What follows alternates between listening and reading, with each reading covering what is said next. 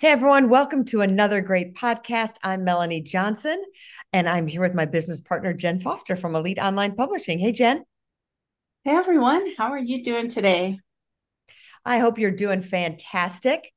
You know, a lot of us are in that learning space, right? Where we're trying to gain knowledge. So much is coming at us all the time. You know, this year AI came at us like, oh my gosh, another big learning curve. I think two years ago it was NFTs. We were all learning about that and trying to stay on top of what's going on in the world along with your regular life. So, you know, this year, Brett, Jenn, and I embraced AI along with several other things, and it can be overwhelming. I know a lot of you might be feeling overwhelmed, just like we've been feeling overwhelmed, right, Jenn? Oh, yeah, definitely. Every time I do new learning things, I write all these notes down and I have all these ideas, and then life gets in the way sometimes and nothing else happens from it. so we wanted to share a few things that we've learned along the way. You know, it's the last quarter. Of course, you might be listening to this anytime. Who knows when you're going to be listening to this? So I'm going to go through some of the stuff that we learned. And then Jenn was just at a conference and she learned a bunch of stuff that I thought was really cool. So we can kind of go through that with you a little bit excuse me, so you can keep up. So we did AI training this year. We've implemented new things into our business. So I'm going to challenge you is to learn about AI, find some tools that you can incorporate in your life, whether you're a business owner or you're a mom or you're an entrepreneur. So figure out those things that you can use. So I think literally we have at least six new tools and processes that we've created because of AI in our business. So you kind of have to like you might be running in your business, you're sprinting and then you have to slow down.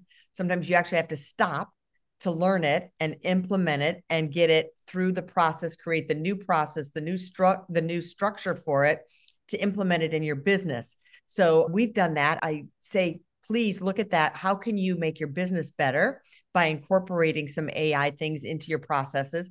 And then also, what are other services you can offer? Like Jenn, you and I have created what? I don't know how many more new services of doing content marketing, videos for our authors, more social media we're stepping into because of AI.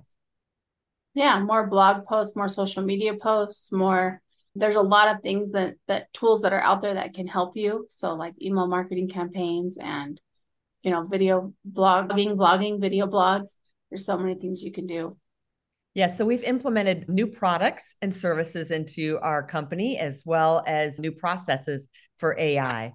Then I would say the other thing that that we've worked on if you're not doing it is it's kind of lumped in together. It's speaking right? But you can speak on your own stage. Like we have our own platform here with our podcast. We have our own YouTube channel that we own that platform as well. So we created our own stages that we can talk on.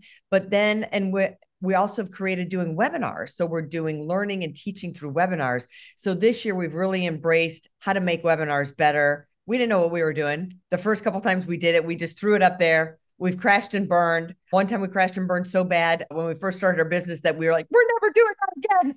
We're never going to put another webinar again. But then, uh, you know, we found some resources and got some encouragement to step back into it and do it again. And now we really did. We did a whole training on webinars. So we've learned a lot about that. And it also goes in with learning your story, how mm-hmm. to story that you can tell during webinars and different ways to frame things and structure things. So it's really important to be able to tell your story about your business, your origin story, your entrepreneurial story. And by the way, all of that content that you create doing that can also be used in a book. We love repurposing yeah. stuff, right, Jenn? Yeah. So let's slow down and talk about webinars first. So I think people have to understand and remember that you have to start somewhere. And even though Melanie and I did it wrong all those times, we learned something every single time. Someone's like, fell forward fast or something, and they say. Mm-hmm. So we said, we're never doing webinars again. But then everyone was like, you should do live streams. And so we're like, okay, we'll do live streams. So we got StreamYard and we were doing live streams like once a month on Fridays. And we would do the StreamYard on Facebook Live, but it was also going to YouTube and it was also going to LinkedIn. And sometimes we'd only talk 10 minutes, sometimes we'd talk five minutes, sometimes it was a full 15 minutes, but usually no one was there. It was only me and Melanie. So it's okay, like baby steps. And then what what happens when you did those live streams is it stays on Amazon, stays on YouTube, not Amazon, stays on Facebook, stays on YouTube, stays on LinkedIn. so people can go back and watch it. And I believe we have gotten people and clients and people that have found that YouTube video and learn from it. And that's kind of the purpose of doing a webinar is to teach people. So even though we were calling it a live stream, it was seriously just a webinar. Yeah. But now that we've gotten some webinar training, now we're really learning and deeping going into a deep dive. So Melanie, tell us tell the audience what was the main thing you took from the webinar training? Now you went to was it chicago? No you went to a, milwaukee. Too i went to milwaukee but i also went to denver as well and then we bought a course that went with it that all came packaged into it. A lot of what i learned was certain words right? And mm-hmm. how to tie the problem into the solution right? And the training so there should be an opening story that you mm-hmm. tell you know, like kind of a heartwarming story, something that everyone can relate to. Like if you're telling a story and only 1% of the audience has done that or happened to them, you know, like if you say, gosh, I've had trouble sleeping. I, you know, many of you probably had trouble sleeping. A lot of people can relate to having a sleepless night. But if you're picking something that's really random, you know, I was out shooting with a specific gun or doing something, you know, they might not like, I've never shot a gun in my life. You know, I mean, you have to pick something that is a story about you personally that can tie in, right, to a problem and a solution that you solve. So then they still know you're the expert. And then you teach have that teaching of three things that are concrete that people are really going to learn right?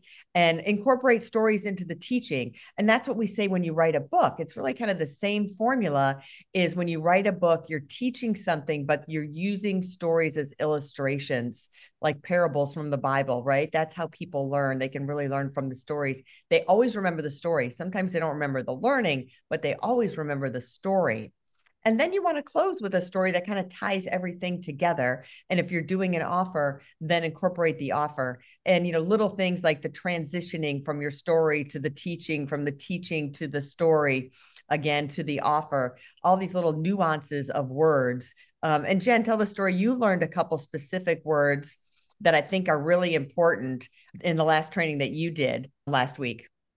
Yeah, so I actually attended a, as a guest a mastermind retreat with Prosper 360, and they had really amazing speakers.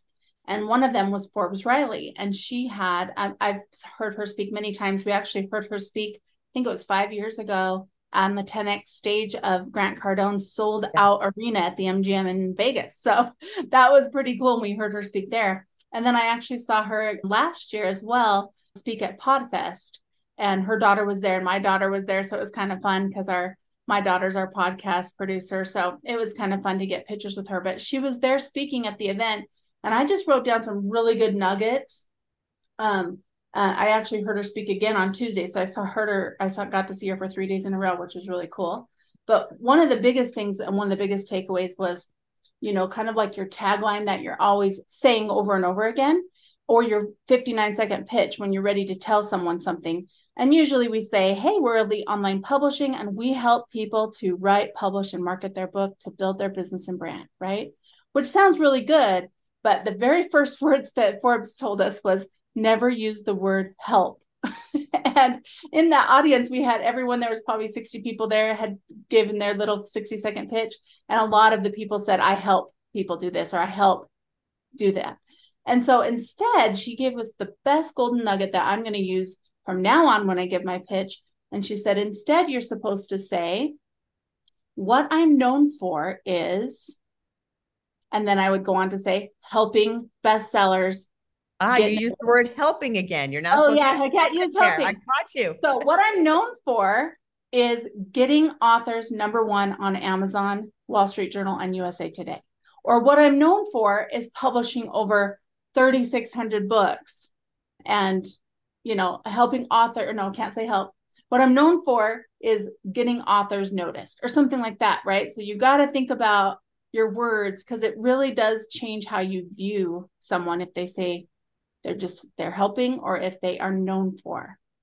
Isn't that crazy how it can just be like one little word? So change yours for your business instead of helping to that you're known for. What it does, it takes you from like, I'm a helper, like I'm alongside of you versus we are you're almost like iconic you're known you're like oh you're known it gives you like this other credibility when you're saying it that way yeah, thing- we were talking before melanie about how a fun article name would be in we were talking about um, PR in their last episode and we are saying a fun article name would be from pageant winner to publisher. And so that's something you, we could say is what I'm known for is being a pageant winner and a publisher, right? So you could mm-hmm. like tie in a bunch of stuff in that. So think about the accolades that you have and the things that you've accomplished and the things that you've done. Forbes Riley said that she's known for making 2.5 billion dollars on infomercials. And so that's like, oh wow, 2.5 million billion dollars, right? So and it's yeah, it becomes very impressive more. Mm-hmm. The other thing, you know, Jenn and I have been in our meetings, we were saying this, we have meetings every Thursday, and we're like, all right, the learning has to stop. Now, I'm not saying mm-hmm. that you stop learning, right? But we have learned so much this year. We have been to like five different conferences. We've had mastermind meetings. We've had all of this different stuff go on. And I feel like our brains are going to explode. So, learning is great, personal growth is great, but you have to do the implementation.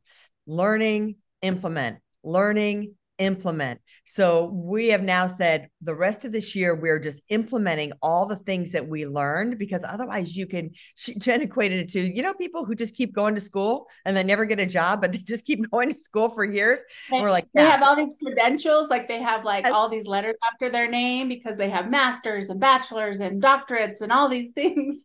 But they don't have a career. So we want to make sure that we're implementing. So um, we're looking for right now. So we're focusing on really doubling down on um, implementing our webinars and really fine tuning that, fine tuning all the things that we have for AI. And we've bought some tools we haven't even opened up yet. It's like Christmas presents under your tree, and it's uh, February and you still haven't opened the present yet. So we want to make sure we open all those, dive deep into all those. So we're taking all this great stuff we've gotten learned and we can offer it to everybody else. And then we're also focusing on getting on stages, doing more other people's podcasts besides just our own as well. So those are some mm-hmm. of the that we've been talking about doing. I also wanted to talk about another woman who spoke at the conference. And yeah. she was like an AI specialist. Her name was Nat- Natalie Champlin. And yeah. she owns AI 23 Media. And I guess they have a really cool podcast. But she had such great insight on how to use AI. And really just like you, if you don't think you can use AI in your business, think about using it in your personal world because mm-hmm. it's like a personal assistant. So just think if you had someone sitting next to you and you wanted them to get something done for you that you didn't want to do yourself, that's what you ask Chat GPT or Jasper. That's what they help you do. And there's a bunch of other tools that she mentioned that I hadn't heard of before. Let's see if I can see it on my notes here. Um, I'll, I'll, I'll come up with it in a minute. Oh, Claude. It was a copywriter. It's called Claude, C L A U D. Oh, yeah, um, that one. And then there was another one that was called Team Chat. So there's so many different AI tools you can use, but think about how you can use it personally. And then yes. the other thing she talked about that I really loved, and I've been telling this, I think I've told this story like probably three times in the last three days, but it was so impactful to me. So the first part of her presentation was she brought out some waters. Now she brought out like two bottles of water that she bought at the airport and one that she bought at the in the um, hotel and the one that she bought at the gas station. But one of the cans of water that she had, I actually did not know their story, and now I still have to go look it up. But one of the cans of water she had is called Liquid Death. And I've seen those in the grocery store. And I thought, oh, that's an energy drink. Yeah, I'm like, that's an energy drink. I'm not going to buy that. It has caffeine. Like when I saw the package, that's what I thought. And she explained to us that liquid death is just water and they have sparkling water or regular water and she explained how you know she could pay six dollars at the airport or at the hotel but if she goes to the convenience store it might be two dollars or three dollars. And i was just at a restaurant last night getting pizza and they were selling it for three dollars. And i thought this whole time that it was an energy drink. And then she told us the story about how it was developed. And so now i need to go and really research if that's really you know what exactly happened. But basically people wanted something cool to drink their water in. And so this company developed and they they've sold millions and millions of dollars worth of water now just because of their packaging and branding. So then she got into branding and taught us branding. But I just love that story because I was like, you know, it's kind of like bottling air, you know, like on the Lorax movie. Like they're like, hey, we could just can water and sell it and make millions of dollars. So I thought that was really cool. Yes, yeah, innovation. Have, like, so, so it's innovation, yeah. taking something. I mean, they didn't invent water or bottled water, right? They innovated it with the branding and packaging, and that's another thing that we've worked on too. And we're gonna, I, I, I want to tell you to embrace your personal brand, work on your branding. We just went through a bunch of people's LinkedIn with them, and most of them were pretty disappointing. I'm like, you guys, this is your personal brand. You don't have a great banner there. It doesn't even update what you're doing right now. So go through your personal brand and do an inventory. It's kind of like cleaning out your closet, right? And mm-hmm. organizing it and using all that real estate that is free all the real estate on LinkedIn is free. All the real estate on Instagram is free. So go there and really make your, you know, liquid death water and brand yourself and and see the difference that you'll have by just doing that and integrating that because people do check you out. I know we do. When someone comes to us, that's the first thing I do when they hit that author submission form. I'm checking them out. What do they do? Where do they hang out? Who are their people? What does their brand look like? How can I help them? So it really says something about you, that personal brand. That's a good story, Jenn. Mm-hmm. Yeah, I think it's it is important to have the right branding and the right and really just the right message. So, mm-hmm. you know, I mean, I'm glad that I found out it was just water because I thought it was an energy drink, but now it makes sense to me. All the packaging and the cans and all that, and think they made millions of dollars, and I hadn't bought one yet. So there you you don't need now They're gonna make now they're gonna make billions of dollars because now you're buying them. Yeah, but they but you know that's kind of goes with your niche, right? So they had they made their brand for specific for specific people, right? People mm-hmm. who want to drink water and look cool people yeah. who want to water that looks like they're drinking an energy drink, right? so exactly, exactly. Yeah, and it just has something. There's a coffee that's like that too. There's like a death coffee or some kind of coffee, and it's like the most caffeinated coffee out there. My who gets the water gets that coffee. The like extreme caffeine. I'm like, did you have a heart attack? Like, oh my gosh, that could be too much caffeine and one thing. So think about your personal brand, do that inventory. And gosh, again, there's so many AI tools that can help you with that to take a look at you know taglines that you can make for your company blog posts you can write for your company all kinds of great things tools you can use to to do that chat gpt of course and jasper that jenn mentioned those are both really great tools that i would start with so you're not overwhelmed we have a lot of tools that we have on our list that have become our favorites, probably 50, but we're not going to overwhelm you with that, especially if you're baby to uh, just starting. So I would really just monkey around with Chat GPT. Some of my tips for that are it's not going to get it right the first time, maybe not even the third time. And it's all about the quality of the question and re-asking the question in different ways with different, you know, words and, and details to get that right answer that you're looking for. Yeah. And I didn't talk to Melanie about this beforehand, but if any of you want to get our AI, we call it our AI cheat sheet, but really it's our favorite tools for AI. Um, then you can just message us on our website. Just click the contact us form and give us a message and say you'd like the AI sheet, and I'll send it over to you. And then we will also add you to our newsletter so you can get all of our updates. That sounds great. So think about what you're going to do this coming year, what your goals are. It's that time of year to start planning for 2024. One of my tips for 2024 that I use today is start to fill your calendar now for next year. So that way you hit the ground running. You already have appointments on your calendar and you're ready to go and start the year with momentum. I already have my first one for 2024 that I'm going to be on a podcast. So there you go. So get out there and get that calendar filled and set your goals and your intentions and then the action items to get there. We hope you enjoyed this podcast. Uh, remember to subscribe if you haven't subscribed already and to share it with your friends. And we hope you enjoy it. We'll see you next time. See you next time. And just go to eliteonlinepublishing.com to find the contact form. Bye. Bye bye. Hey, are you looking to increase your revenue, build credibility, and elevate your brand?